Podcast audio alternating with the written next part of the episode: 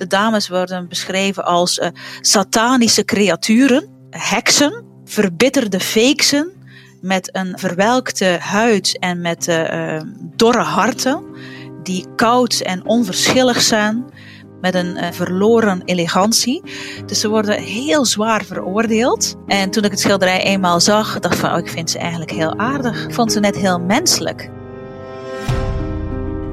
Dit is Anne de Meester, directeur van het Frans Hals Museum in Haarlem. Zij neemt ons mee naar een werk in het museum waar ze een bijzondere band mee heeft, maar waar door de eeuwen heen niet iedereen altijd even enthousiast over was.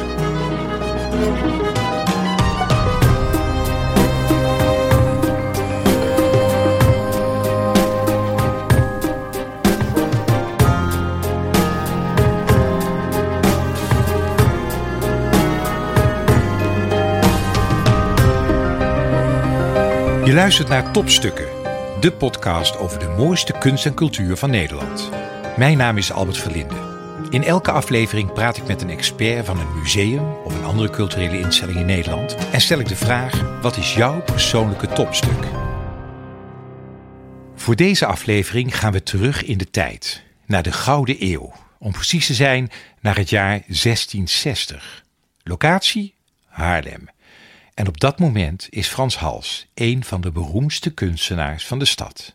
Het mooie aan Frans Hals is dat hij echt een soort ster is. Een, een, een schilder even groot als Rembrandt en Vermeer. En tegelijkertijd een groot mysterie. We weten wel dat hij gestorven is in 1666 in Haarlem, daar ook begraven. Maar we weten niet precies wanneer hij geboren is. De guess is een beetje, ja, hij is ongeveer 80, 85 geworden, een jaar oud, hoogbejaard voor die tijd. En hij was een migrant. Hij kwam uit het zuiden van de Nederlanden met zijn ouders naar Haarlem toe. En hij heeft zich hier gevestigd als kleuter en is eigenlijk uitgegroeid tot schilder en van voornamelijk portretten. Zijn grote missie was het schilderen van de mens. En om toe te voegen aan dat mysterie, we weten dus niet of hij ooit uh, correspondeerde met andere schilders op opdrachtgevers, want er zijn geen brieven bekend, geen tekeningen, geen schetsen. We weten wat eh, losse feit dat hij een hele roedel kinderen had en twee vrouwen heeft gehad. En dat is het zo'n beetje. Dus heel veel wat we van hem weten zit in de schilderijen zelf. En mm, over Rembrandt weten we bijna alles. Er zijn ook ontelbare biografieën geschreven. Maar Hals blijft een, een heel mysterieus personage bijna. Dat vind je volgens mij misschien ook wel mooi als ik jou zo hoor praten. Ja, ik vind het wel. Eh, ik, ik, ik eh, kom oorspronkelijk zelf meer uit de literaire wereld. Dus een schilder die ook een soort romanpersonage is, dat vind ik prachtig. Persoonlijk, maar ik denk ook voor. Het is ook weer mooi omdat je dus alles uit het werk moet afleiden. En dat je ook als bezoeker kun je bij die portretten van Hals ook best wel veel fantaseren, omdat er zo weinig bekend is. Kijk, als alle feiten vastliggen, uh, dan is het heel moeilijk om je verbeelding uh, los te laten. Maar bij Hals kan het tot tot op zekere hoogte en tot grote mate eigenlijk, omdat we zo weinig feitelijk weten. Mooi. Dan gaan we inderdaad toch even onze fantasie gebruiken, want jij neemt ons mee in dat prachtige Frans Hals Museum. Neem ons even mee door het gebouw. Je komt eigenlijk door een heel klein pittoresk straatje. Kom je een 17e eeuws gebouw binnen en dan dwaal je door gangen in, in, kleine kabinetjes. En wij zeggen altijd van het Frans Hals Museum: het is geen kathedraal voor de kunst zoals het Rijksmuseum, maar het is een kapel. Dus alles is veel intiemer, kleiner en menselijker. En na een reis langs verschillende Haarlemse helden kom je uiteindelijk in onze schutterszaal, onze nachtwachtzaal, de eregalerij. En daar hangen de meeste werken van Hals in volle glorie. Naar wat voor werk wil je ons brengen? Wel, eigenlijk het liefste zou ik jullie natuurlijk alles in taal. niet hebberig zijn, niet hebberig. Je moet er eentje kiezen. Nee, ik kies er eentje en dan is het toch, uh, mijn favoriet is toch de regentesse van het oude mannenhuis. Uh, dat is een groepsportret van een aantal dames. En die dames waren de bazinnen, of zeg, ik zeg nu altijd de CEO's, hm. van het Oude Mannenhuis in Haarlem. En het Oude Mannenhuis was in de 17e eeuw een bejaardentehuis exclusief voor mannen. Behoeftige, alleenstaande mannen die niet voor zichzelf konden zorgen. En eh, die werden daar uh, ondergebracht, kregen een eigen kamertje en gezamenlijke maaltijden. En een mooie anekdote is dat dat soort systeem ook voor vrouwen bestond, want het waren dan hofjes. Dus van vrouwen die hofjes zijn, die bestaan nog steeds in Haarlem. Allemaal kleine huisjes rondom een gemeenschappelijke tuin.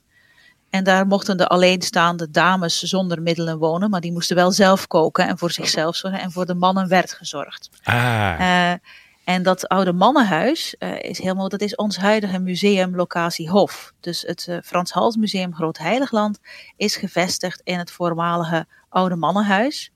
En het schilderij dat Frans Hals dus van die bazinnen heeft geschilderd, hoort ook echt in dat gebouw thuis. Het is gemaakt voor die plek. En, en wat, wat zien we dan op dat schilderij? Hals is altijd geroemd als, als een schilder die, schil, die uh, voor de fotografie bestond, eigenlijk bijna snapshots schilderde. Dus zijn schilderijen, zijn portretten zijn altijd heel bewegelijk, dynamisch en direct. En hij werd ook geroemd omwille van zijn losse, ruwe toets. Hij schildert met grote uithalen, heel direct, heel bold, zeggen de Engelsen eigenlijk, gedurfd.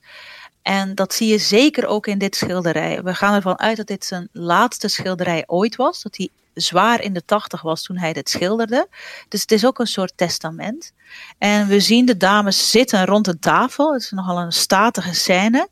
Uh, waarbij ze ons direct aankijken. En wat vooral opvalt is uh, de sobere, uh, de, sombere, een beetje sombere sfeer. Maar ook de schilderstijl. Want je hebt echt het gevoel dat je hen bijna kunt aanraken. Je hebt het gevoel dat ze echt persoonlijkheden in de kamer zijn. En uh, dit was ook een van de favoriete schilderijen vaak van moderne schilders. Um, Hals is een 17e eeuwer, maar hij wordt ook vaak geroemd als echt een moderne schilder die zijn tijd ver vooruit was. En bijvoorbeeld grootheden als Vincent van Gogh en Ensor, maar ook Manet, Monet, Courbet, die kwamen echt naar Haarlem om bijvoorbeeld ook specifiek dit schilderij te zien. Omdat ze zeiden van ja, daarin kun je zien dat Hals eigenlijk een impressionist was. Ah. En op late leeftijd, dus hij, hij, hij vernieuwde ook nog naarmate hij ouder werd. Ja, en hij, hij bleef eigenlijk actief en zich ontwikkelen. Maar dat, Albert, is ook wat ik super spannend vind aan dit schilderij, is ook de bewegelijkheid van het schilderij zelf. Want in de 17e eeuw vonden mensen dit een bijzonder schilderij. Het werd opgehangen. Hè, van de regentessen hadden als eerste een opdracht gegeven aan Hals. En daarna uh, besloten de mannelijke CEO's van het oude mannenhuis, de regenten, dat ook te doen. Dus ze waren overduidelijk blij met dit schilderij. Maar je ziet dan een soort kanteling in de 18e eeuw. Want dan wordt in de literatuur en, de, uh, en in de kunstgeschiedenis wordt het schilderij echt helemaal vergruist. Uh, het wordt gezien als absolute kwatsch. Van ja, dit is het bewijs dat uh, Hals op latere leeftijd waarschijnlijk Parkinson had of Alzheimer. Hij Nou kon ja. er niks meer van. Kijk, trillende hand, geen controle over dat penseel, broddelwerk. Dus toen in de 18e eeuw werd dit eigenlijk gezien als een bewijs van het feit dat Frans Hals helemaal geen zo'n goede schilder was. En werd hij ook echt aan de kant geduwd. Zijn werk verkocht niet meer goed. Uh, het werd gezien als minder waardig uh, of minder goed dan dat van Rembrandt. En plotseling zie je weer een verandering in de 19e eeuw, begin 20e eeuw. Want dan komen al die moderne kunstenaars, die komen naar Haarlem om dit schilderij te bewonderen. Ze zeggen, ja, dit was briljant. Hij was een tijd ver vooruit. Hij was op latere leeftijd, uh, bloeide het genie. En dat kun je aan dit schilderij zien. Dus het werd eerst helemaal met de grond gelijk gemaakt, als van waardeloos. We zouden het eigenlijk bij wijze van spreken, hadden we het moeten weggooien. En dan een eeuw later wordt het gezien als dit is de nachtwacht van Frans Hals. En eh, kunst heeft, dat vind je als museumdirecteur zeker een eeuwigheidswaarde. Maar tegelijkertijd is wat mensen mooi en aantrekkelijk en goed en vakkundig vinden, dat wisselt continu.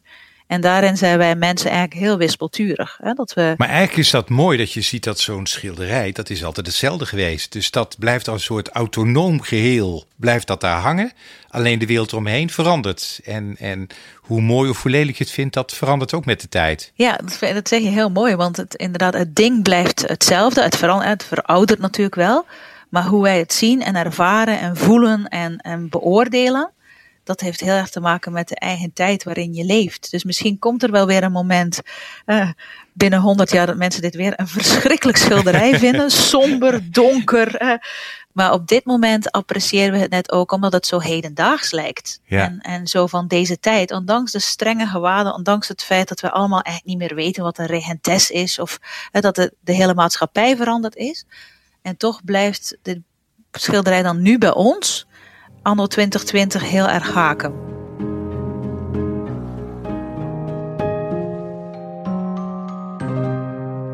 Weet je nog de eerste keer dat je het zag, wat, wat er toen met je gebeurde? Ja, het grappige was van, ik had al heel veel over dit schilderij gelezen en dat beïnvloedt je altijd. Want uh, zeker ook specifiek de regentessen, daarin hebben ontelbare kunsthistorici hebben ook hele gemene dingen over dit schilderij geschreven. Ook over de vrouwen zelf. Wat zeiden ze dan? De dames worden beschreven als uh, satanische creaturen, hm. heksen, nou ja. Uh, verbitterde feeksen met een verwelkte huid en met uh, dorre harten, die koud en onverschillig zijn, met een verloren elegantie. Dus ze worden heel zwaar veroordeeld. Dus jij ging daar naartoe en met, met enorme vooroordelen bijna? Ik ga naar de feekse kijken. Ja, en dat wil je natuurlijk niet zo denken, maar dat zit in je gedachten.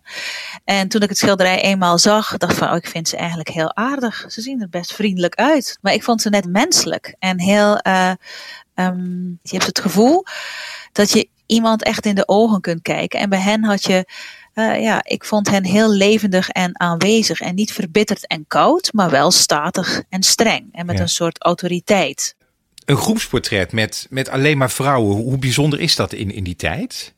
Voor een Nederlandse context was dat eigenlijk niet ongebruikelijk. Want uh, Hollandse vrouwen die staan erom bekend dat ze in de 17e eeuw heel zelfstandig en assertief waren. Hè, dat ze ook uh, functies bekleedden, zoals bijvoorbeeld in Haarlem waren er veel vrouwelijke bierbrouwers die hun eigen brouwerij hadden als weduwe of alleenstaande vrouw en die dat zonder mannelijke partner deden. Het schijnt ook het onderzoek dat zelfs uh, criminaliteit in de 17e eeuw, dat vrouwen daar een even grote rol in speelden als mannen.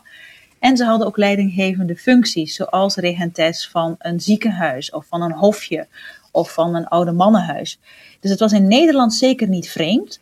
Maar ik denk dat Italianen en Vlamingen en Spanjaarden in de 17e eeuw dit bijzonder raar hadden gevonden. Want daar was de cultuur toch heel anders en uh, speelden vrouwen niet zo'n prominente rol in het openbare leven. En zou dit soort portret ook ondenkbaar zijn geweest. Heb je, zag je iets van herkenning ook in? Dat je denkt, uh, dat je, de, zijn de vrouwen zo geportretteerd dat je zelfs naar vrouwen van deze tijd kunt vertalen in hoe ze eruit zien? Of... Wel, ik had het eigenlijk meer met een ander schilderij uit onze collectie. Dat uh, zijn de regentessen uh, van geschilderd door Verspronk. En uh, daarin had ik zelf, toen ik ze voor het eerst zag, een soort persoonlijk herkenningsmoment. Van een van die dames lijkt ontzettend op mijn uh, overgrootmoeder uh, Agnes. Het is natuurlijk voor de kunstgeschiedenis van geen enkele relevantie of iemand op jouw familie lijkt. Maar het zorgt wel altijd voor een soort persoonlijke betrokkenheid. En die regentessen van Versprong zijn veel kwetsbaarder afgebeeld. En zij zijn net heel licht en porseleinachtig geschilderd met een soort doorschijnende huid in een lichte kamer. En uh, zien er veel fragieler uit. Uh, en dus bij een van hen had ik echt het gevoel, oh ja, dit lijkt sprekend op mijn overgrootmoeder. Terwijl er geen enkele kans is dat er ook maar een verre verwantschap is tussen haar en deze regentes. Kun je dan kiezen tussen de schilderijen van de regentesse? Mm, eigenlijk niet, want ik denk dat ik uh, schilderkunstig gezien vind ik de regentesse van Frans Hals echt het interessantste. Als schilder is Verspronk in vergelijking met Hals toch een beetje een brave borst. Hè? Sober en rustig schilderde hij. Uh, heel precies, zijn hele leven lang in dezelfde stijl. Dus ik vind uh, als schilder vind ik het portret van Hals veel spannender. Maar puur gevoelsmatig ben ik heel erg aangetrokken door het uh, portret van Verspronk, omdat je daar echt een soort de schoonheid van het ouder worden ook in ziet. Je ziet heel erg de breekbaarheid van de huid. Je, ziet de aderen onder het oppervlak liggen. En uh, dat is zeker niet zo bedoeld, dat schilderij van Verspronk, als een soort herinnering aan onze vergankelijkheid. Maar zo voelt het voor mij wel. Dus gevoelsmatig in de emotie heb ik meer met de verspronk en schilderkunstig in, laten we zeggen, van wat je mooi vindt en wat je waardevol vindt, heb ik meer met de hals. Nou, je bent echt een regentes van het Frans Hals Museum, want je kunt die kiezen tussen die twee, hè? ik moet van ze allemaal evenveel houden. Zo is dat. ik weet dat je niet kunt kiezen, maar je bent zelf topvrouw. En als je nu zou mogen kiezen, moeten kiezen, of je wordt geportretteerd door Frans Hals of door Verspronk, wie wordt dat dan? Ik denk dat Verspronk me er mooier zou opzetten. Het zou een beetje een gepolijst plaatje worden. Maar ik denk als ik echt herinnerd wil worden, dan zou het een Frans Hals moeten zijn. Dan zie ik er misschien wat minder goed uit, maar denk ik wel karakteristieker. Dus ik zou kiezen toch voor Hals. Je hoorde Anne de Meester, directeur van het Frans Hals Museum. Dit was Topstukken, aangeboden door de Bank Giro Loterij, de cultuurloterij van Nederland. Mijn naam is Albert Verlinde, ambassadeur van de Bank Giro Loterij. Ik ben er trots op dat wij ook nu cultuur blijven steunen in heel Nederland, dankzij onze deelnemers. En als je meespeelt in de Magio Loterij ontvang je een VIP-kaart waarmee je korting krijgt op de leukste uitjes en gratis ruim 100 musea kunt bezoeken. Dus zodra alle deuren weer open gaan, kun je straks ook weer naar het Frans Hals Museum in Haarlem. Nieuwsgierig naar meer mooie verhalen? Abonneer je dan op deze podcast in je favoriete podcast-app of ga naar bankgiroloterij.nl/podcast.